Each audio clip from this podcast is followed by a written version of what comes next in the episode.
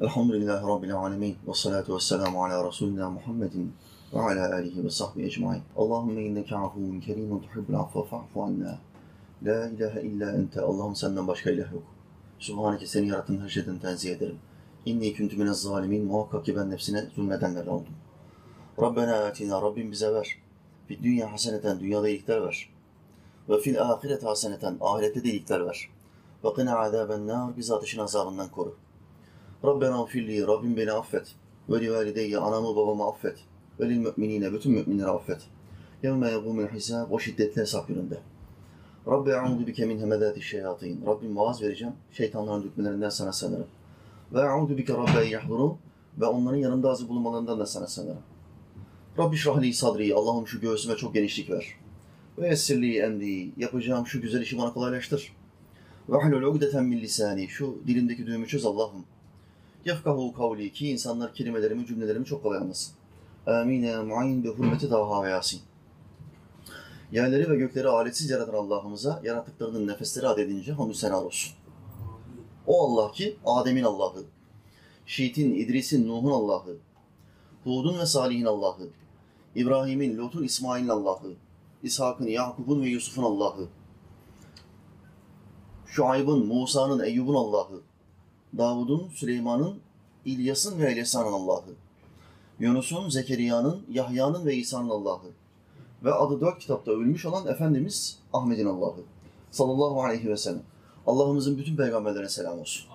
Şu ilim meclisini kurduğumuz ortamda Mevla Teala şu ismini zikrettiğim bütün peygamberlerin ruhaniyetini ilim meclisimize göndersin.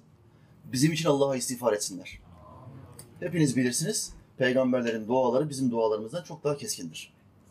Bu akşam Rabbim nasip ederse İmam Rabbani'den bir mektup okuyacağım. Uzun zamandır okumuyordum. 76. mektuba gelmiştik. Bu mektubunu okuyacağım. Biliyorsunuz e, Muhammed ümmetinde İmam Rabbani çok özel bir yer teşkil eder. Sebebi nedir? Sebebi çift kanatlı oluşu. Hem ilmi kanadı var, hem tasavvufi, tarikat kanadı, manevi kanadı var. Çok büyük bir Allah dostu. Binlerce alim yetiştirmiş, binlerce sufi, veli yetiştirmiş bir zat. Olduğu için biz çok itibar ederiz.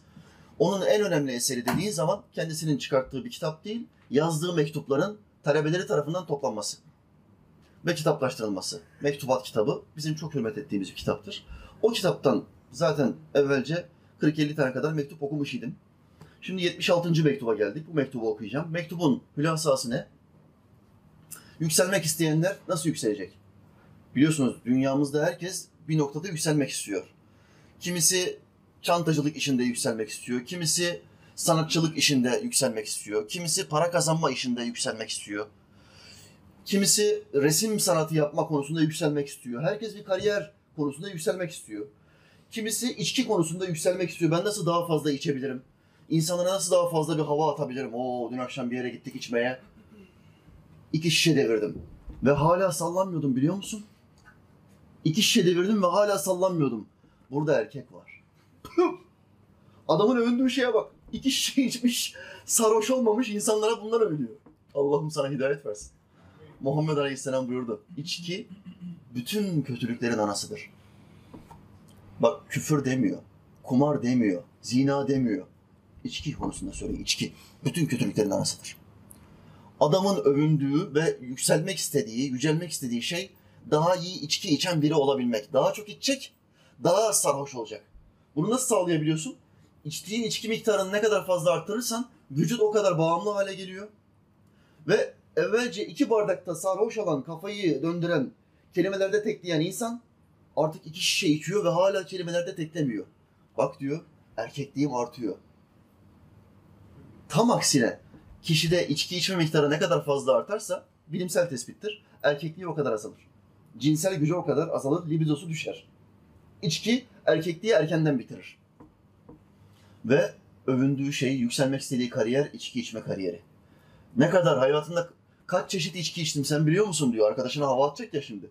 Biz nasıl hava atıyoruz? Ben kaç tane kitap okudum sen biliyor musun? 4000 kitabı devirmiş adamım ben. Bizim attığımız hava bu. Hocalar arasında birbirimize hava atarız, makara yaparız. Aa hocam ne yapıyorsun? Ben 10 bin kitap devirmiş adamım ya falan. Biz böyle hava atarız. Bu adamın attığı hava ne? Ben kaç çeşit içki içtim sen biliyor musun? Bilir misin? 54 çeşit içki içmiş adamım ben. Attığı hava bu. Bak kariyer yapmış. İçki konusunda kariyer yapmış ama cehenneme doğru bir kariyer bu. Cehenneme doğru hızlı bir şekilde gidiyor. Allah buna hidayet versin. İnsanlar dünya hayatında hep yükselmek istiyorlar. Soru şu. Ya geçici olan bir kariyerde yükselmenin peşinde olacaksın. Kariyerin toprakla beraber, ölümle beraber son bulacak. Aranızda var mı iddiada bulunan? Ben benim için ölüm diye bir şey yok. Diyebilecek olan var mı? Bak sana şunu söyleyeyim. Cumhurbaşkanı bile olsan gideceksin. Başbakan bile olsan, savunma bakanı bile olsan elinde binlerce tank var. Yolcusun kardeş. Hiçbir tank senin son nefesini vermene engel olamayacak.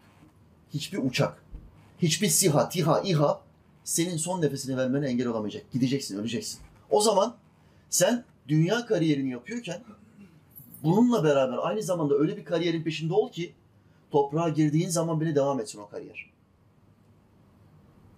Zeka seviyeni üste çıkartman gerekiyor. Hem dünya kariyeri hem de toprağın altında girdikten sonra devam edecek bir kariyer peşinde olman lazım.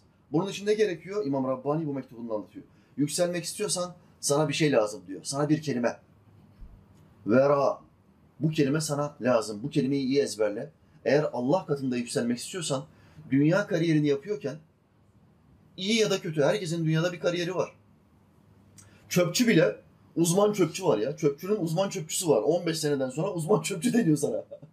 Hocanın kariyeri var. Öğretmenlerin artık uzmanı var biliyorsunuz.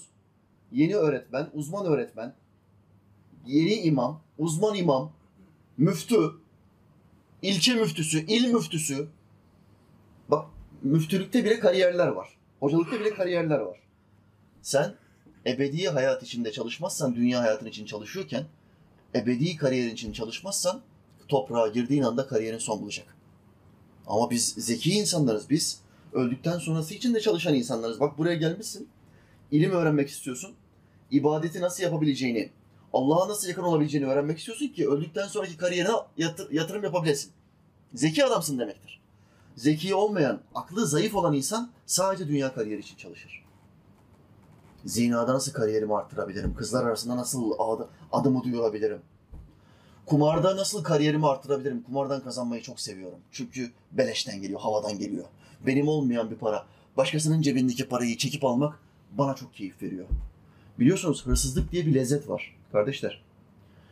Sadece fakirlerin düştüğü bir varta değil bu. Bir alışkanlık, bağımlılık değil bu. Zenginlerin de düştüğü bir bağımlılık. Bazı zenginler var. El çabukluğuyla çalmak hastalığından kurtulamıyorlar. Birinde bunun bir adı vardı unuttum şimdi söyleyemeyeceğim. Terapi almaya gidiyorlar. Çok zengin. Bankasında milyonları var. Ama bir yere gittiği zaman açıkta bir şey görüyor. Bir saat, bir telefon, bir para. 200 TL tak çalıyor cebine koyuyor. Bankasında milyonları var. El hız çabukluğuyla tak cebine koyuyor. Hastalık. Bu bir hastalık. Bak burada bir kariyer yapıyor. Geçen gün biri bir yere gittim diyor. Gittiğim yeri söylemem diyor. Çünkü birilerinin parasını çaldım yine diyor. Yanındaki 3 milyonluk arabaya binen arkadaşına hava atıyor. Nasıl hırsızlık yaptığına dair. Bak bu da bir kariyer. Hırsızlık kariyeri. Kumar kariyeri de böyledir. Karşındaki arkadaşınla beraber kumar oynarsın. Yüzüne gülersin, o da senin yüzüne güler. Kazanan onun cebindeki paraya elini atmıştır. Onun hakkını, onun alın terini çalmış ve kendi cebine koymuştur. Bak bu da bir kariyer. Şimdi karar senin. Şeytanın istediği kariyerde mi kendini geliştireceksin? Allah'ın istediği kariyerde mi kendini geliştireceksin? Helal yollardan, güzel yollardan yapılan bir kariyer. Burada mı kendini geliştir? Nerede kendini geliştirmek istiyorsun? Karar senin. İmamın mektubu nasıl yükselmemiz lazım geldiğini, yükselmenin yollarını bize anlatıyor. Bu mektubu okuyacağım. İnşallah ibret alırız kardeşler. İmam bu mektubu Kılınç Han denen bir e, siyasiye, bir devlet büyüğüne gönderiyor nasihat vermek babında. Şöyle diyor. Allah Teala sizi her üzüntüden korusun. İnsanların en üstününün sallallahu aleyhi ve sellem hürmeti için her kusurdan muhafaza buyursun. İnsanların en üstünü Adem Nebi'den e, son insan gelinceye kadar kim olacak? Son peygamber Muhammed Aleyhisselam. Çünkü Allahü Teala bozulmayan şeriatı İsa'ya vermedi, Musa'ya vermedi, Davud'a vermedi. Allah'ın selamı onların üstüne olsun. Bozulmayan şeriatı yani kitabı son peygamber Muhammed Aleyhisselam'a verdiği için Allah'a en yakın olan şeriatı bozulmaktan korunmuş olandır.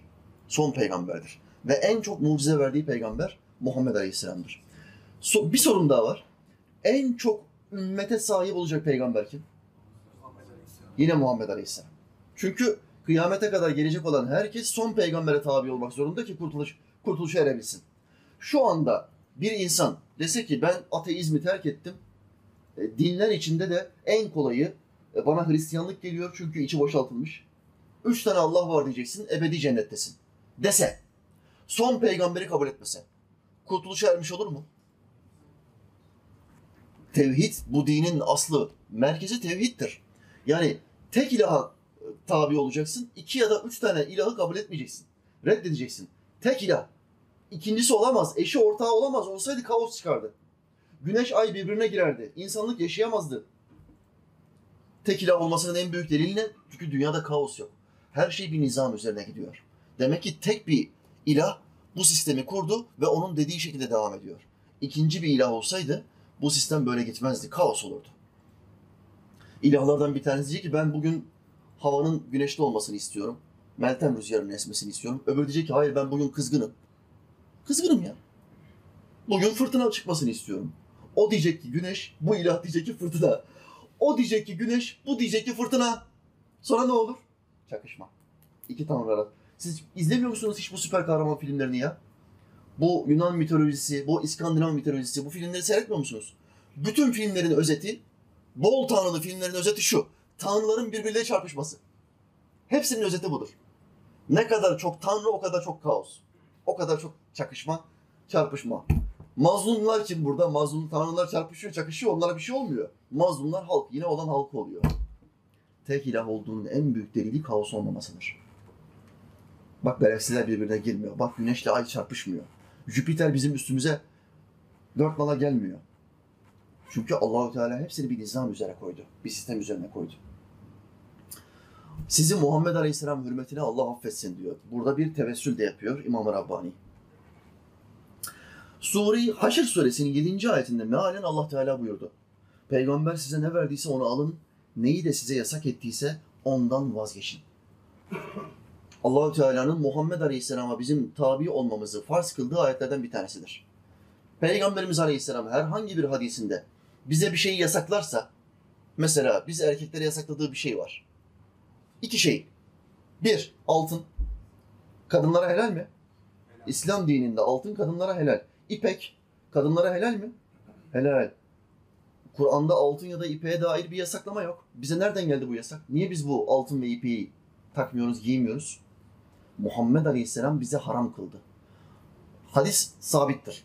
Mütevatir bir hadistir. Allahü Teala bu iki şeyi ümmetimin kadınlarına helal, erkeklerine haram kılmıştır. Kalabalık ortamın içinde herhangi bir hitabette bulunursa buna mütevatir hadis denir. Kalabalığın içinde herkesin duyduğu hadis.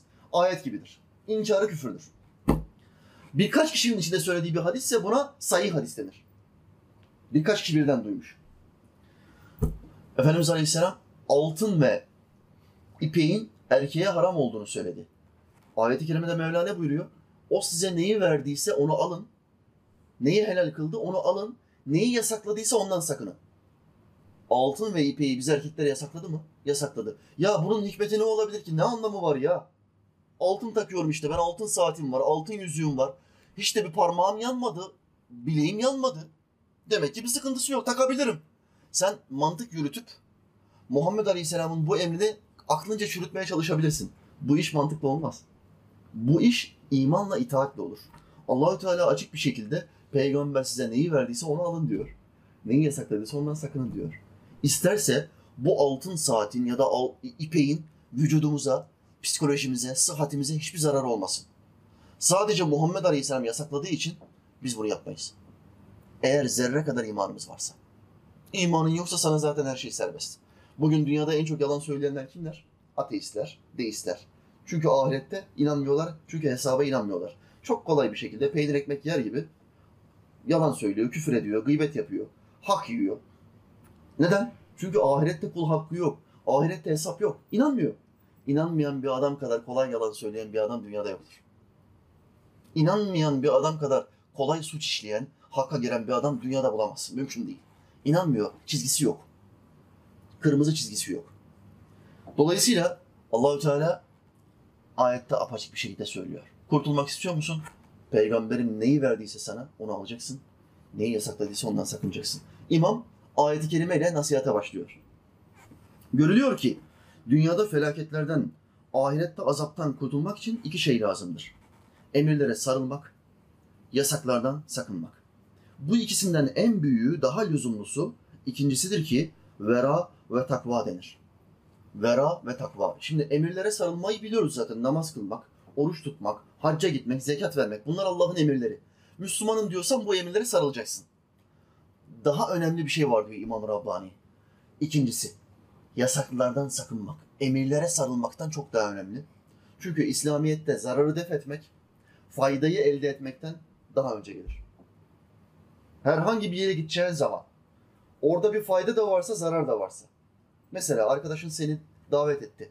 Gelsene bizim arkadaşlara birkaç nasihat verirsin. Dine dair birkaç bilgi verirsin. Tamam geleyim, otururuz, muhabbet ederiz, bir şeyler yaparız. Ama bazı arkadaşlarım orada içki de içecek. Onları da görmezden gel. Niyet nasıl? Niyet tebliğ yapmak. Yani bu adamları içkiden, e, küfürden kurtarmak ve ibadete, namaza başlamak, başlatmak. Allah'ı öğretmek, tanıtmak. Niyet güzel mi kardeşler? Güzel. Burada bir fayda var. Ama burada içki içen insanlar olacak diyor. Bazıları içki içecek diyor. Sen bunları görmezden gel diyor. Burada zarar da var mı?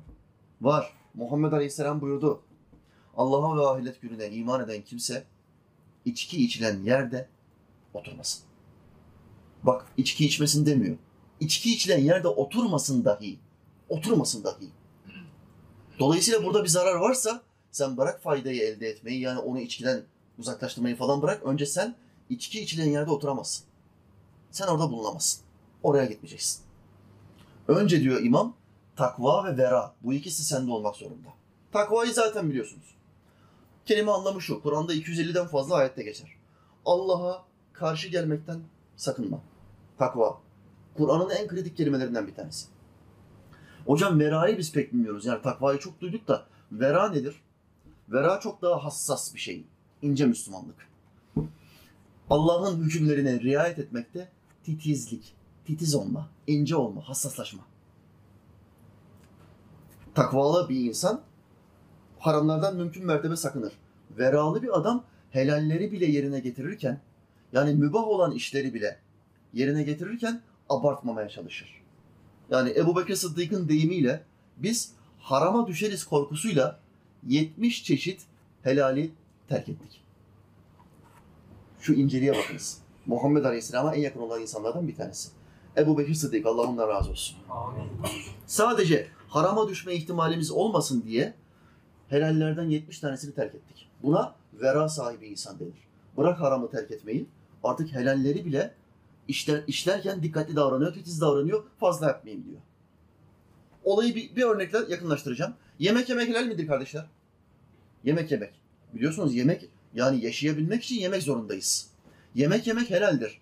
Peki doyduktan sonra yemeğin üstüne yemek helal midir? Hayır. Bir, ilk kademede mekruhtur. İkinci kademede haramdır, israftır. Bir, vücuda zarar, en büyük zarar yemek üstüne yemekten gelir. Muhammed Aleyhisselam buyurdu, Allah'ın peygamberinin tıbbı nebevisi bütün sorunları çözer. Bütün sıkıntıları çözer. Yeter ki ona iman edin, itaat edin. Efendimiz Aleyhisselam buyurdu, bütün hastalıklar yemek üzerine yemekten ileri gelir. Ne kadar hastalık varsa. Yedin, doydun. Şimdi yemekler orada, midede öğütmeye çalışıyor mide. Sen üzerine başka bir yere gittin. Ya Allah için yardımcı ol bana. İki tane hamburger aldım. Birisini yemedim. Şunu da sen ye. Kardeşim daha yeni yemekten kalktım ben. Topla al evine götür. Kibir gurur yapma yani. Evine götür sonra yersin. Ya da evinde hanımı yesin. Yok yok lütfen sen ye. Ben, ben, benim ikramım olsun. Ya zaten tokum ben. Kırmadın. Yemek üstüne bir de hamburger yedim. Şimdi mide bu sefer ne yaptı? Alttakileri öğütmeyi bıraktı. Yeni gelene başladı. Yeni gelene öğütmeye çalışıyor mide. Ama alttakiler kaldı. Onları öğütemiyor ve onlar çöplük olarak, pislik olarak ve birkaç gün içinde hastalık olarak dipte kaldı. O hastalıklar vücuttan bir kısmı çıkıyor idrar ve dışkı yoluyla ama bir kısmı midenin altında kalıyor. Ve o hastalık bütün vücuda yayılmaya başlıyor. Hastalıkların kökü buradan gelir. Buradan gelir. Bilim araştırıyor, araştırıyor. Yüzyıllar önce Muhammed Aleyhisselam'ın söylediği meseleyi yüzyıllar sonra, sonra ancak bulabiliyor. Bakın İki haftadır dünya çalkalanıyor. Şimdi pandemiden yeni kurtulduk. Yeni bir pandemi olur mu acaba? Maymun çiçeği. Duydunuz mu bunu kardeşler? Haberleri bir açıyorum. Maymun çiçeği şöyle. maymun çiçeği böyle. Yeni çıktı bu şimdi. Maymun çiçeği. Covid'den kurtulduk bu çıktı. Dünya Sağlık Örgütü bir açıklama yaptı. Maymun çiçeği acaba Covid gibi bütün dünyaya yayılır mı diye sordular. Sağlık Örgütü şöyle dedi. Eğer zina yapmıyorsanız, yabancı insanlarla cinsel ilişkiye girmiyorsanız, iki, gay değilseniz, maymun çiçeğinden korkmanıza gerek yok. Bu Dünya Sağlık Örgütü'nün, e, tıbbın zirvesi, bilimin zirvesi bunlar. Söylediği bir tespit. Ne yapmayacaksın diyor, yabancı insanlarla ilişkiye girme, kendi eşinle beraber ol. Çok eşliliğe gitme diyor. Çünkü maymun çiçeğinin temeli neye dayan- dayanıyor? E, cinsel yolla bulaşan bir hastalık bu. Yabancı insanlarla ilişkiye girersen ya da eşcinsel erkek erkeğe ilişkiye girersen bu hastalığa düşer oluyorsun. Hemen vücudunun her tarafında koca koca e, benekler ortaya çıkıyor, şişiklikler ortaya çıkıyor. Buna diyorlar maymun çiçeği. Kurtulma ihtimali çok düşük. Benim peygamberim Muhammed Aleyhisselam 14 asır önce maymun çiçeğini anlattı. Bakın şimdi hadise bakın. Allah'ın peygamberinin mucizesine bakın. Resulullah Aleyhisselam buyurdu. Kötü kadınlar çoğalıp zina bir toplum içinde yayılırsa halk daha önce görülmemiş bulaşıcı hastalıklara maruz kalır. Kötü kadınlar. Kim bunlar? Vücudunu satanlar. Kişiliğiyle değil, dişiliğiyle piyasada olanlar. Ten işçileri, beden işçileri. Bana bu kadınlardan birçoğu yazıyorlar. Bir kısmının tövbe etmesine vesile olduk. Bir kısmı yapamıyorum dedi. Kolay para dedi. İnşallah onlara da vesile oluruz kardeşler. Dua ediniz. Allah hidayet versin hepsine. Bize kötü kadın deme hocam. Ne diyeyim kardeşim? Beden işçisi de. Ten işçisi de. Tamam kardeşim ama Muhammed Aleyhisselam'ın hadislerinde kötü kadın diye geçtiği için öyle hitap ediyorum. Ne yapayım yani? Kötü kadın diyor. Ten işçisi, beden işçisi yok. Yapamazsın. Çünkü beden senin değil. Bu beden Allah'ın bize vermiş olduğu bir emanet kısıtlı bir süre içinde bu emaneti kullanacağız. Vakti geldiği anda, saatimiz geldiği anda emaneti bizden alacak ve toprağa bırakacaklar. Sana ait olmayan bir şeye benim diyemezsin. Allah'ın istemediği şekilde de bu bedeni kullanamazsın. Bu yüzden tövbe etmen lazım. Ten işçisi Müslüman kardeşim. Allahü Teala sizi bu işten kurtarsın. Amin. Amin. Amin. Efendimiz Aleyhisselam 14 asır önce reçeteyi verdi mi bize? Kadınlar, e, bedenini satan kadınlar çoğalırsa, ilişkiler, zinalar artarsa bilinmeyen hastalıklar ortaya çıkar. Bundan iki ay önceye kadar var mıydı maymun çiçeği hastalığı? Yoktu. Bu yeni çıktı bu. Bilinmeyen hastalık. Muhammed Aleyhisselam'ı dinlersen, ona itaat edersen, yasaklarından sakınırsan huzur içinde yaşarsın. Verdiklerini alırsan huzur içinde yaşarsın. Ölçü çok basit. Övgüler ve selam efendim olsun. Vera böyle bir şey kardeşler. Vera ve takva denir. Efendimiz Aleyhisselam yanında birisinin çok ibadet ettiğini, çok uğraştığını söylediler. İmam devam ediyor mektubunda. Birisinin de yasak edilen şeylerden çok sakındığını söylediklerinde hiçbir şey vera gibi olmaz buyurdu.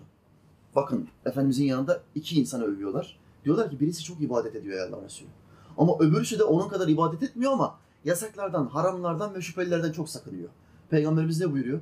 Hiçbir ibadet vera gibi olmaz. Sakınmak İslamiyet'te ibadet yapmaktan daha üstündür. İslam'ın temeli ne? İslam'ın temeli sakınmak, reddetmektir. İbadet değildir. Önce reddetmek vardır. Bir kişi Müslüman olmak istediğinde şu kelimeyi söylemek zorunda. La ilahe. Bakın burada red vardır. Red. La ilahe illallah. Ondan başka bütün ilahları reddediyorum. Hiçbir ilah yoktur. Önce red var. Karşı koyma var. Kabul etmeme var. Sakınmak var. Bütün ilahlardan sakınıyorum. Kendimi geri plana atıyorum. Hepsinden beriyim. Tek ilah hariç. Allah Celle Celaluhu. Bunu demeyen bir adam istediği kadar Muhammedun Resulullah desin. İstediği kadar bana göre dünyanın en kaliteli, en üstün insanı Muhammed Aleyhisselam desin. İstediği kadar peygamberimize aşık olduğunu iddia etsin. Müslüman olamaz. Önce bütün ilahları reddedecek. Önce red vardır. Sakınmak vardır. Tek ilahı kabul edecek, ondan sonra peygamberimizi kabul edecek. Kardeşim Avrupa'dan, Avusturya'dan bana mesaj göndermiş. Hocam diyor, yolda geçerken oradaki Avusturyalı vatandaşlarıma diyorum ki, lütfen e, sizin katınızda vatandaş olarak bir değerim varsa kelimelerimi tekrar eder misiniz? Onlar da diyor benim kullandığım kelimeleri tekrar ediyor. Eşhedü en la ilahe illallah ve eşhedü enne Muhammeden abduhu ve resulü. Bu usulle diyor 50'den fazla insanın Müslüman olmasına vesile oldum mu hocam? Bak oldum demiyor. Fetvayı bana soruyor. Kalbinde bir rahatlama, bir güzellik var. İslam için çalıştığını düşünüyor. Evet, bu, bu bir hamledir. Yani o kişi kullandığı kelimelerin manasının ne anlama geldiğini bilmese bile hamle yapıyor. Bak İslam'ı hatırlatıyor gayrimüslimlere. Ben oldum mu hocam diyor. Yani onların Müslüman olmasına vesile oldum mu? Hayır kardeşim. Çünkü bir, Müslüman ola, olabilmesi için söylediği kelimelerin ne manaya gelmesini bilmesi gerekiyor. Ne manaya geldiğini bilmesi gerekiyor. Allah'tan başka ilah yok. Muhammed onun son peygamberi. Bunu bilmesi lazım. İki, bilmesi yeterli mi? Yetmez. Kendi inanışından yani üç tanrı inanışından beri olması lazım. Ben artık üç tanrı ile alakalı bütün her şeyi reddediyorum demesi gerekiyor.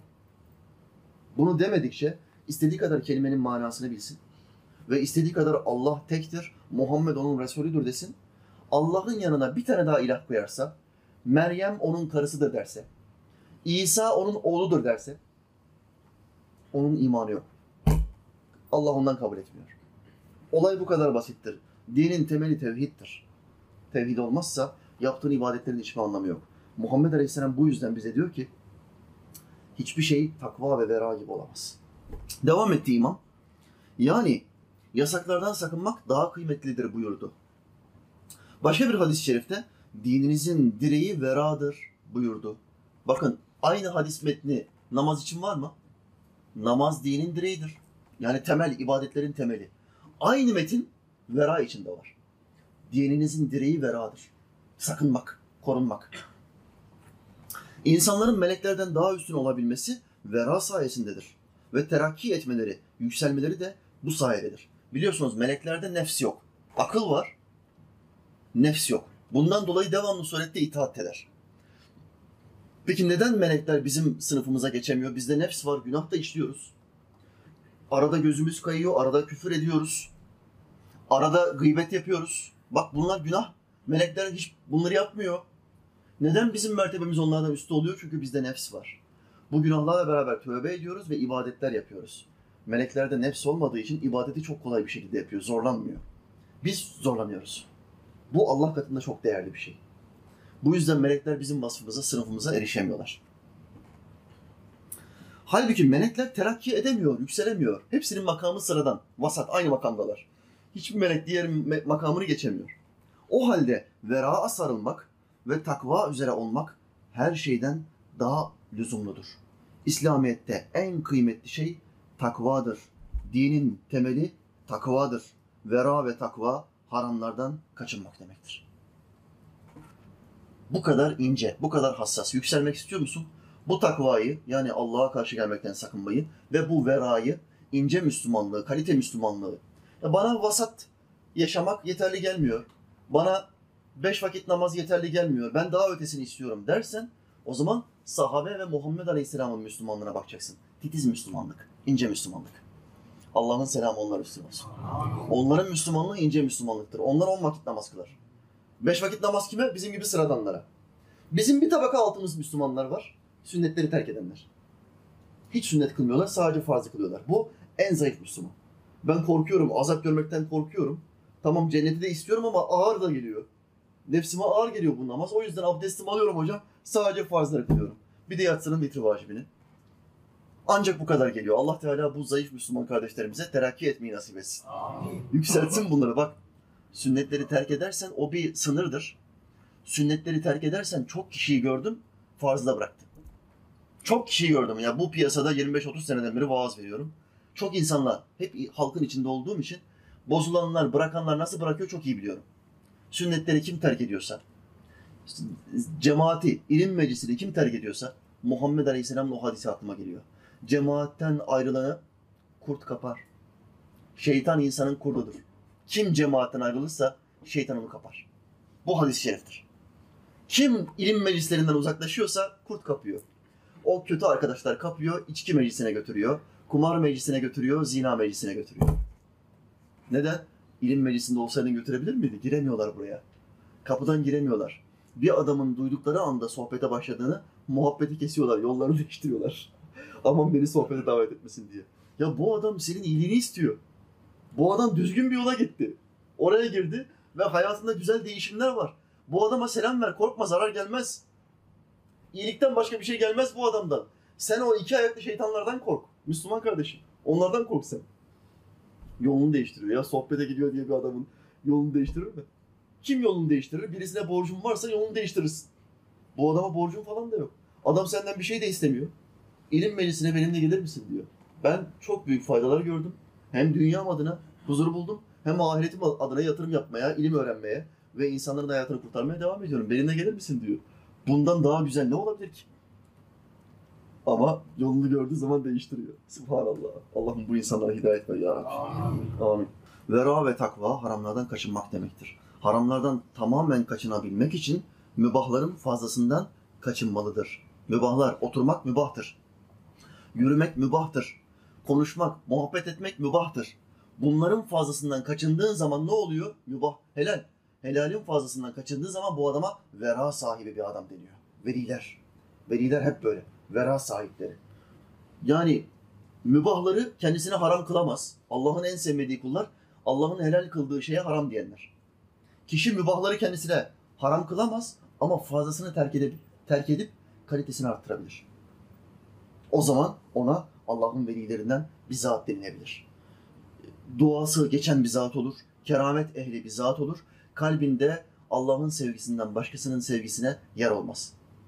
O kadar ince bir adam olur ki kalbinde sadece Allah'ın sevgisi olur. Bakın, veranın en düşük seviyesi Allah'ın nehyettiklerinden sakınmak. En düşük seviye. En yüksek seviyesi ise Allah'ı zikirden alıkoyacak her şeyden kaçınmaktır. Artık verada o kadar zirve ki Allah'ı unutturacak her şeyden sakınıyor. Her şeyden uzak duruyor. Kalbi devamlı Allah ile. Sultan Fatih'in hocası geçen hafta biliyorsunuz Fethin yıl dönümünü kutladık. Elhamdülillah. İstanbul'u fethetmek Allahü Teala bu millete, bu orduya, bu kumandanlara, bu askerlere nasip etti. Biz de onların torunları, çocukları olarak bu İstanbul'a sahip çıkacağız. Nasıl sahip çıkacağız? Bir toprağın korunması konusunda gerekirse canımızı vereceğiz. Herhangi bir savaş durumunda. İki, ahlakın korunması konumunda canımızı vereceğiz. Tamam toprağın korunması konusunda dış ülkelerden tehdit aldın mı askere gidiyorsun. İşini gücünü bırakıyorsun, savaşıyorsun. Ahlakın korunması konusunda yaptığın bir şey var mı? Yok. Ateizm, deizm artıyor. Eşcinsellik artıyor. Cinsiyet değişimi, akışkan cinsiyet artıyor. Küpeli e, erkekler artıyor. Kıvırtan erkekler artıyor. Kadın gibi giyinen erkekler artıyor. Topuklu ayakkabı giyiyor. Sen böyle erkek gördün mü? Topuklu ayakkabı giyen erkek olur mu ya? Erkek minicik, ipince, e, daracık bir kot pantolon çekmiş. Topuklu ayakkabı giymiş. Topuklu ayakkabıyı kadınlar giyer. Müslüman kadınlar uzak durur çünkü ses çıkartır ve dikkat çeker. Caiz değildir. Ama zayıf Müslüman kadınlar topuklu ayakkabı giyerler. Erkek akışkan cinsiyete gittiği için ben yeni bir cinsiyet seçmek istiyorum dediği için topuklu ayakkabı giyiyor. Kırıta kırıta sokaklarda yürüyor. Ahlak bozuluyor. Bir devletin görevi değil midir? Topraklarını korumak nasıl senin görevinse, terör örgütlerine karşı vatandaşını korumak nasıl senin görevinse, ey devlet, ey devlet büyüklerim, bu milletin ahlakını korumak, bu milletin ırzını, namusunu ve fıtratını korumak da senin görevin değil midir? Anayasada yeri var. Halkının ve gençlerinin ahlakını korumak devletin baş vazifesidir. Anayasada madde var. Ama maalesef devletimiz korumuyor. Umurunda değil. Umurunda değil. Ya bir şeyler yapın kardeşim. Bütün bu iş hocalara mı kaldı? Din adamlarına mı kaldı? Sen devletsin, senin kuvvetin var. Bir faaliyetlerde bulun. Bu gençliğin ahlakını ve fıtratını korumak için bir şeyler yap. Yapamıyorsan yapanları destekle. O da yok. Nesil kırılıyor. Nesil kırılıyor. Açık açık aleni bir şekilde artık televizyonlardan çocuklarınız dünyaya geldiği zaman onları kız ya da erkek diye ayırmayın diyorlar. Güya tıp insanları, psikoloji insanları bunu söylüyor. Kız ya da erkek diye ayırmayın onları. Bebeklerinize kız oyuncağı vermeyin kız çocuklarınıza. Erkek oyuncağı vermeyin erkek çocuklarınıza. Bırakın onlar büyüdüklerinde istedikleri cinsiyeti seçsin diyorlar. Televizyonlarda. Ve sen devletsin. İzliyorsun. Sadece izliyorsun. Allah'tan kork. Mevla sana makam vermiş. Seni bir makam vererek onunla sınıyor, makamla sınıyor. Vazifeni yap. Bu halkın namusunu, ahlakını koru. Bu halkın fıtratını koru. Gençlerimiz helak oluyor. Bu iş bize mi düştü? Senin yapman lazım bu işi ey devlet. Allahü Teala yöneticilerimize izan versin. Amin. Müslüman oldukları için biz bu insanlara dua ediyoruz. Allahü Teala idarelerini devamlı kılsın, kuvvetli olsunlar diye dua ediyoruz. Ama biraz bir şeyler yapın. Biraz bir şeyler. Elhamdülillah çok güzel bir haber aldım dün akşam. Çok güzel bir gelişme. Biliyorsunuz memurların sakal bırakması artık serbest oldu Danıştay kararıyla. Artık memurlarımız elhamdülillah bir zulmü daha kaldırdılar. Bak Müslüman idareciler yapmak yapmak istediğiniz zaman nasıl yapıyorsunuz? Sakal çok büyük bir zulüm. Bayan kardeşlerimize, bayan çalışanlarımıza, bayan memurlarımıza başörtüsü zulmünü kaldırdılar mı? Yıllardan beri kadınlar şimdi istedikleri gibi tesettürlü bir şekilde vazifelerine gidebiliyorlar. Polisi de, askeri de tesettürlü bir şekilde vazifesini yapıyor mu? Yapıyor. Ama erkekleri, erkekler her zaman bu ülkede ikinci sınıftır. Her zaman. Bak bir ölçü daha, bir örnek daha. Kadınlara 5-6 sene oldu başörtüsü yasağını kaldıralı. O zulmü bitirdiler. Biz yine ikinci sınıf vatandaş.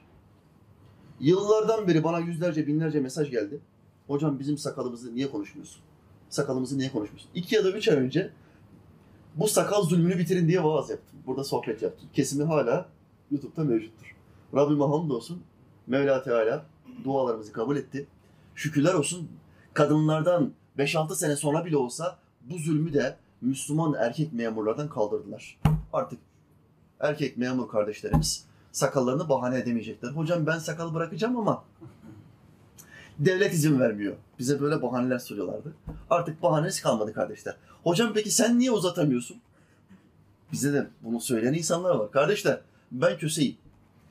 Allahü Teala kimisine fazla ilim verir, az sakal verir.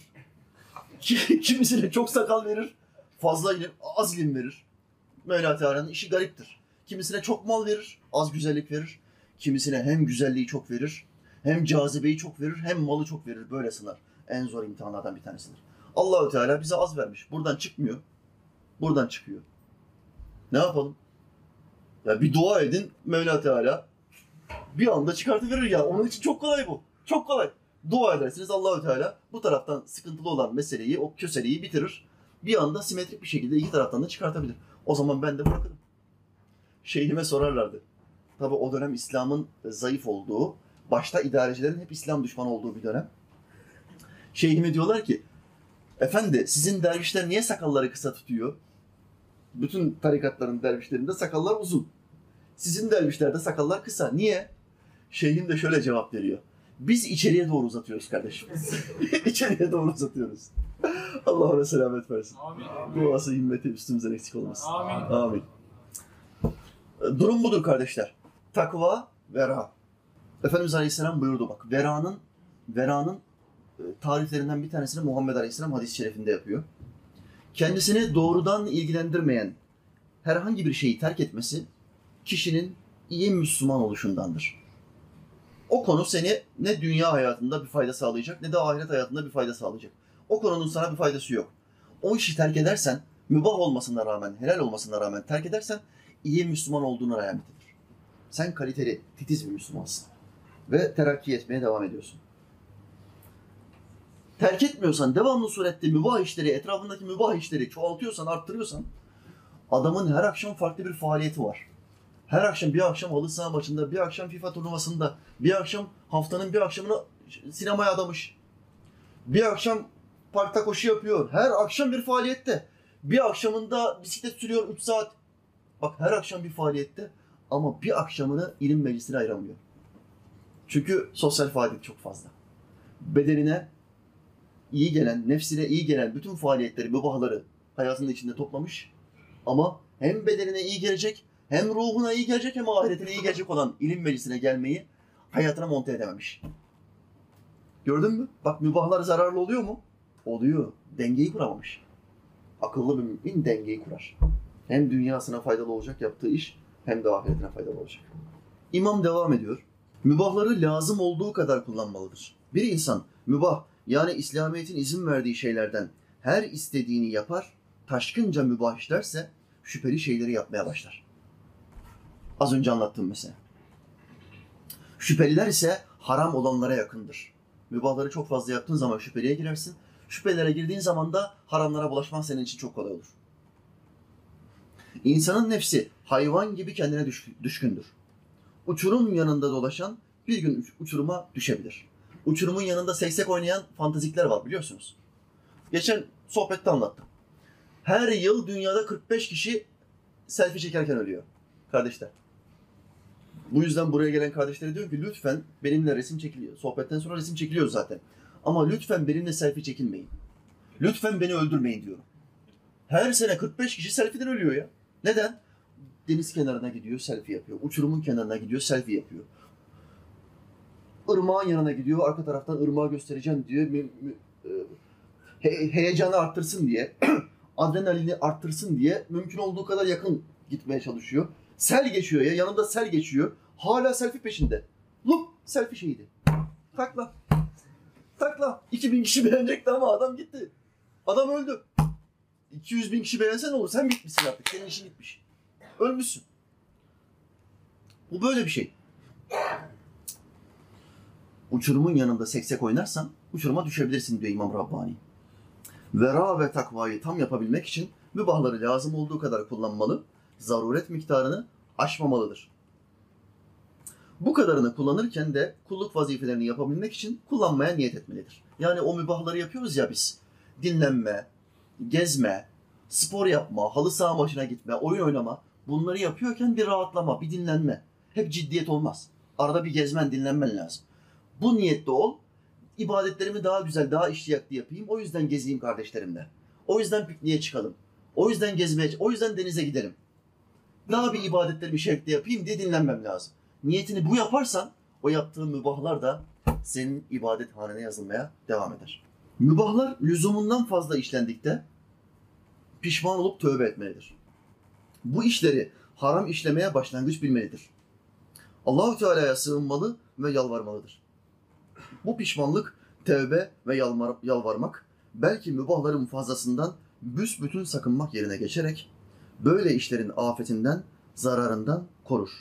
Büyüklerden biri buyuruyor ki, günah işleyenlerin boynunu bükmesi bana ibadet edenlerin göğsünü kabartmasından daha iyi geliyor. Subhanallah, subhanallah. Biliyorsunuz ibadetle beraber nefsimizde bir olay olur. Nedir o? Sevap kazandım, vazifemi yerine getirdim. Ben buradaki birçok insandan daha iyi bir adamım. Namaz kılmıyor bu adam, ben namaz kılıyorum. Ben ondan daha iyiyim. İbadet bununla beraber bir gurur, bir mütekebbir ifade getirir. Bir enaniyet, varlık duygusu getirir. Şimdi veli zat diyor ki, günah işleyenlerin boynunu bükmesi ve af dilemesi, kusurunu biliyor, af diliyor ve kibri yok. Allah'ın bu dünyada en sevmediği günah hangisidir? Kibir. Kibirden daha çok. Kutsi hadistir. Bütün günah işleyenlere karşı gazabımla karşı koyarım. Onlara cezamı gazabımla veririm. Kibirliye karşı bizzat zatımla ceza veririm. Çünkü kibriya benim elbisemdir. Onu benden başkası giyemez. Bu Allah'ın kutsi hadiste kullarına söylediği bir şey. Her şeye gazabıyla cevap veriyor ama kibirli adam var ya ona karşı direkt zatıyla ceza verecek. İntikam alacak. Bu kadar tehlikeli bir şey. Şimdi e, veras, vera konusunda kalbi Allah'ın sevgisinden başka şeylere kapalı olan insanlar konusunda en güzel örnek teşkil eden kim? Atamız Fatih'in şeyhi. Akşemseddin Hazretleri. Akşemseddin'e Allah 12 erkek evlat verdi. 12 erkek evlat. Tıpkı Yakup Aleyhisselam gibi. 12 erkek evladını aldı karşısına bir gün. Oturun dedi. Halka yaptılar çocuklar. Her birinin yüzüne uzun uzun baktı. Akşemseddin Hazretleri. Sonra bir iç çekti ve şöyle yaptı. Sana hamdü senalar olsun Rabbim. Sana hamdü senalar olsun. Evlatları bu iç çekmeyi ve hamd etmeyi görünce dedi ki içlerinden bizim gibi evlatlara sahip olduğu için Allah'a hamd etti babamız. Mübareğin meclisinde daim olan bir dervişi vardı, bir meczup. Çocuklarında bu hali görünce, bu enaniyeti görünce hissetti. Kalp kalbe karşıdır. Hissetti ve şöyle dedi. Şeyhim müsaade edersen çocuklarına neden Allah'a hamd ettiğini açıklayabilir miyim? Şeyh Efendi dedi ki buyur evladım.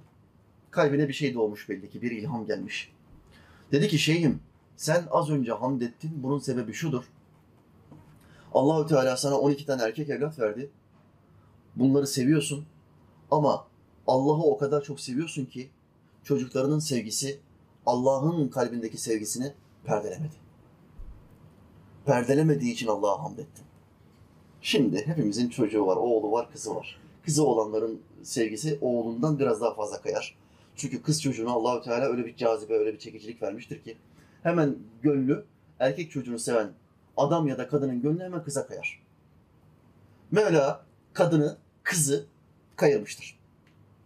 Yapılan işlere bakınız. Sorumluluklara bakınız. Kadınların sorumluluğu, erkeğin sorumluluğu. Bütün eve bakmak, bütün evin ihtiyaçlarını gidermek kimin elinde? Erkeğin. Evlenirken niye bu kadınlar bize meyil vermiyor? Niye mehri biz veriyoruz? Evi niye biz yapıyoruz? Bütün bu kadınların ihtiyaçlarını niye, niye biz karşılıyoruz? Allahü Teala kadını koruduğu için. Bunlar özel.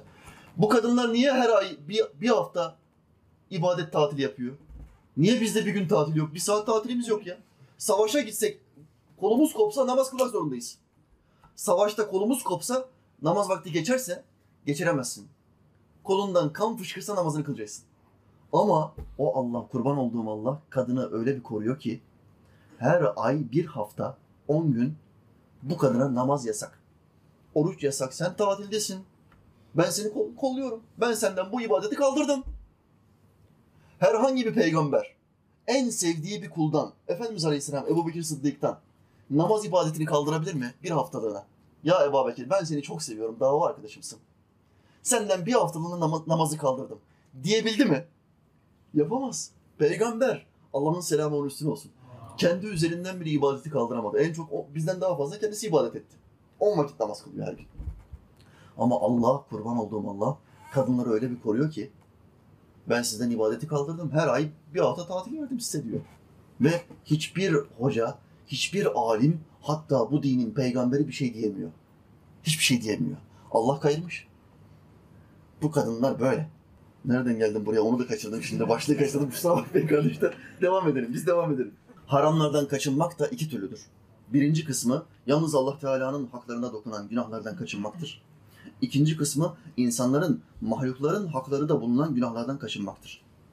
Şimdi Allah'ın günahlarından sakınmak Allah'ın hakkı. Allah'ın ibadetlerini yapmak Allah'ın hakkı. E bir de kulların hakkı var. Bak Allah'ın hakkı olan şeyde Allah her şeyimizi affedebilir. Ama kulların hakkı Allah'ın hakkından daha tehlikeli diyor İmam Rabbani. İkinci kısmı daha mühimdir. Allah Teala hiçbir şeye muhtaç değildir ve çok merhametlidir. Kullar ise pek çok şeye muhtaç oldukları gibi hasis ve alçaktırlar. Yani açgözlüdürler. Pek çok şeyde muhtaçtırlar. Dolayısıyla bir kul hakkına girdiğin zaman ahirette söke söke senden alır. Ya biz çok iyi arkadaştık ya şimdi bana burada hakkını helal etsen. Recep be. Bak sıkıntılı bir ortamdayız. Hakkını helal et be. Yemeğe gitmiştik 200 TL çıkmamıştı. Sen öde ben sana sonra veririm demiştim. Üstüne yatmıştım. Üstüne yatmıştım. Hakkını helal et be. Şimdi kaldı burada. Recep hakkını helal edecek mi? Hayatta olmaz. Orada öyle bir dehşetli ortam var ki. Recep değil seni, anasını, babasını, karısını bile tanımayacak orada. Karısını bile tanımayacak. Çocuklarını, o canım, canım cicim dediği oğlu kızı var ya, tanımayacak onları. Ben sizi tanımıyorum, ben kendimi kurtarmanın peşindeyim diyecek o Recep. Ah Recep, yandın. Kul hakkı bu kadar tehlikeli. Resulullah Aleyhisselatü Vesselam buyurdu. Üzerinde kul hakkı olan mahlukların malına, ırzına dokunan ölmeden önce helalleşsin, ödesin. Zira o gün altının, malın değeri olmaz. O gün hak ödeninceye kadar kendi sevaplarından alınacak. Sevapları olmazsa hak sahibinin günahları buna yüklenecektir. Hadisle sabittir. Şimdi benim sevaplarım var. Birilerinin de benden alacağı var. Hakkında iftira etmişim, yalan söylemişim, böhtan yapmışım, küfür etmişim. Benim burada sevaplarımdan alınır, onun sevap defterine yüklenir. Benden alacağı varsa. Sevaplarım bitti. Ne oluyor? Onun günahlarından alınıyor, benim günahlarıma yükleniyor. Denge böyle kurulacak ahirette. Hiçbir şey hesapsız değil. Bir gün Eshab-ı Kiram'a karşı müflis kime denir biliyor musunuz dedi Muhammed Aleyhisselam. Topladı sahabe efendilerimizi. Dedi ki müflis, müflis ne demek? İflas eden kişi. Bütün malını kaybetmiş.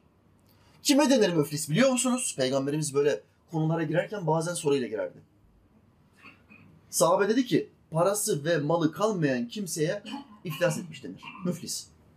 Efendimiz Aleyhisselam buyurdu ki ümmetim arasında müflis şu kimsedir ki kıyamet günü defterinde çok namaz, oruç ve zekat sevabı bulunur. Burada defteri doldurmuş. Namazı var, orucu var, zekatı var. Fakat bir kimseye sövmüş, iftira etmiş, malını almış, kanını dökmüş, dövmüş, sevapları bu hak sahiplerine dağıtılır. Ne kadar pislik varsa yapmış insanlara, kul haklarına. Şimdi sevapları bunlara dağıtılıyor. Hakları ödenmeden önce sevapları biterse hak sahiplerinin günahları bunun üzerine yükletilir ve sonra cehenneme atılır. İşte benim ümmetimde müflis budur. O fabrikaları batanlar, bütün paralarını kaybedenler, depremde dükkanlarını, arabalarını kaybedenler. Bunlar müflis değil. Bir daha kazanırsın, bir daha olur. Asıl müflis işte budur. Ahirette terazide dengeyi kuramadı. Kuramadıysan yandın kardeşim. Son paragraf. Sizin için ne kadar hamd etsek, ne kadar teşekkür etsek azdır. Çünkü sizin mübarek vücudunuz sayesinde büyük Lahor şehrinde böyle bir zamanda ahkam-ı şer'iyenin çoğu meydana çıkmakta, tatbik edilmektedir. Şimdi devlet büyüğüne yazmıştı ya mektubu nasihat olarak. Sizin sayenizde dindar bir insan olduğunuz için Lahor şehrinde İslam'ı ahkamını, İslam ahkamını aktarabiliyoruz. İnsanlara yayabiliyoruz ve insanları İslam'a teşvik edebiliyoruz. İslam düşmanı liderler olsa ne oluyor? Camiler müzeye çevriliyor. Koca koca yazılarla, büyük büyük adamların imzalarıyla bu camiyi müzeye çevirdim diye yazı yazıyorlar ve o camiyi kapatılıyor, müze oluyor. İslam'a dost olan yöneticiler olduğu zaman ne oluyor? Müzeye çevrilmiş o camiyi yine koca koca yazılarla bir imzayla hemen çeviriyorlar ve müze yapılmış olan yerin üzerindeki Fatih'in bedduasını kaldırıyorlar ve orayı tekrar camiye çeviriyorlar. Beddua üzerimizden kalkıyor. Müslüman idareci yapmak, başımıza Müslüman idareci koymak bu kadar önemli. İslam düşmanı idareciye oy vermek bu kadar büyük bir ihanet Allah'ın kitabı Kur'an'a. İslam düşmanı bir idareciye oy verdin ve o da gitti başörtüsünü yasakladı. O da gitti memuriyet saatleri içinde namaz kılmayı yasakladı. Yasaklamanın günahının bir misli kime yazar? Oyu veren kaç kişi varsa. 4 milyon kişi mi oy verdi? O adamı başımıza getirdi. 4 milyon kişinin tamamına namazı yasaklama günahı yazılır. Ama ben yasaklamadım ki. Ben razı değilim. Ben namaz kılan bir adamım. Sen yasaklayan insanı başımıza getirdin. Sen bir İslam düşmanını başımıza getirdin. Vesilelerden bir tanesi sensin. Çekeceksin. Ahirette sevaplarını bize vereceksin. Günahlarımızı üzerine alacaksın. Çekeceksin. Çünkü düşünmeden oy verdin. Her oy, o sandığın önümüze her gelişi bir savaştır. Ya İslam düşmanları kazanacak, ya İslam'a yakın olanlar kazanacak. Siyasi tercihimi soran herkese aynı şeyi söylüyorum. Hocam siyasi tercihiniz nedir? Hangi partiye oy vereceksiniz? Ben hiçbir partiye bağlanmam. Hiçbir parti benim babamın oğlu değildir. Hiçbir partiye de üyeliğim olamaz. Oyumu vereceğim, her seçimde oyumu vereceğim parti şudur. İslam'a hangisi en saygılıysa takip ederim. Hepsini takip ederim. Hangisi İslam'a en saygılı ona bakarım. Seçim günü giderim, oyumu ona veririm. Hocam oy kullanmasak olmaz mı? Oy kullanmamak vebaldir. Oy kullanmadığın için İslam düşmanlarının verdiği oylar galip gelirse ve tekrar Müslümanlara baskı ve zulüm artarsa oy kullanmayanların tamamını da zulüm yazar. Tepkisizlik en büyük günahtır yeri geldiğinde. Tepkisizlik. Bir adam senin evine gelse ve evinde köşede TV'nin üzerinde duran Kur'an'ı alsa ve yere atsa. Sen de şöyle yapsan, misafirdir bir şey demeyeyim desen. Ne olur? Ne olur? Vebalin bir misli sana da yazar. Çünkü sessiz kaldın. Sessizlik, tepkisizlik günahın bir misli demektir. Müslüman ne yapar burada? Hayırdır ya? Sen nasıl benim evime gelir de Allah'ın kitabını yere atarsın? Der, kitabı yerden alır, olması gereken yere koyar, adamın yüzüne de bir tokat koyar. Ben tekme atarım, tekvandocu olduğum için. Biliyorsunuz bacaklarımı ellerim gibi kullanabiliyorum. Ben tekme atarım. Siz tokat atarsınız ve adamı evinizden kovarsınız. Bu tepkidir. Müslümanda tepki olmak zorundadır. Siyasi görüşüm. İslam'a en saygılı olan kimse odur. Mesele budur kardeşler. Bu memlekette din kuvvetlenmekte, İslamiyet yerleşmektedir. Bu fakire göre Lahor şehri Hindistan'ın kalbi gibidir. Bu şehrin hayır ve bereketi bütün Hindistan şehirlerine yayılmaktadır. İslamiyet'in bu şehirde kuvvetlenmesi, bütün şehirlerde kuvvetlenmesine yol açıyor. Allah Subhanehu ve Teala kuvvetinizi arttırsın. Her işinizde yardımcınız olsun. Bak devlet büyüğüne devamlı dua ediyor. Çünkü faydalı, İslam'a faydalı. Resulullah Aleyhisselam buyurdu ki, ümmetimden hak üzere olan, doğru yolda yürüyen her zaman bulunacaktır. Bunlara karşı duranlar bunlara zarar yapamaz. Bunlar Allah Teala'nın takdir ettiği saate kadar işlerini yapacaklardır. İlim deryası başımın tacı olan hocama karşı kuvvetli bağlarınızı düşünerek şu birkaç satırımla o kıymetli sevgiyi tazelemek istedim. Demek ki Kılınç Han Üstadı Muhammed Baki Billah'a da bağlı. Ona çok fazla say- saygısı, sevgisi var. Bu yüzden mektup yazmak istedim size diyor. Rahatsız etmemek için bu kadar yazıyorum. Cenab-ı Hak zat-ı alinizi hakiki devletlere ve sonsuz saadetlere kavuştursun. Sevgili Peygamberi Muhammed Aleyhisselam'ın hürmetine duamı kabul buyursun diyor İmam-ı Rabbani. Allah ondan razı olsun. Mevla dualarını kabul etsin. Rabbimiz Teala şu e, sohbetten ibret almayı, hayatımıza monte edebilmeyi size ve bize nasip etsin kardeşler. Amin. Ee, Rabbim nasip ederse pazar günü yine bir sabah namazında beraber bir camide buluşacağız. Namazımızı beraber kılacağız. Peşinden bir e, kahvaltı çorbamızı içeceğiz. Ondan sonra evlerimize dağılacağız. Önümüzdeki hafta salı akşamı bir e, mani olmazsa tekrar burada olacağız. Vaazımızı vereceğiz kardeşler. Allah hepinizden razı olsun. Buraya geldiniz, ilim meclisimizde bulundunuz. Ben buna karşı sizden bir ücret istemiyorum. Benim ücretim ancak beni yaradana aittir. Velhamdülillahi Rabbil alemin. El Fatiha.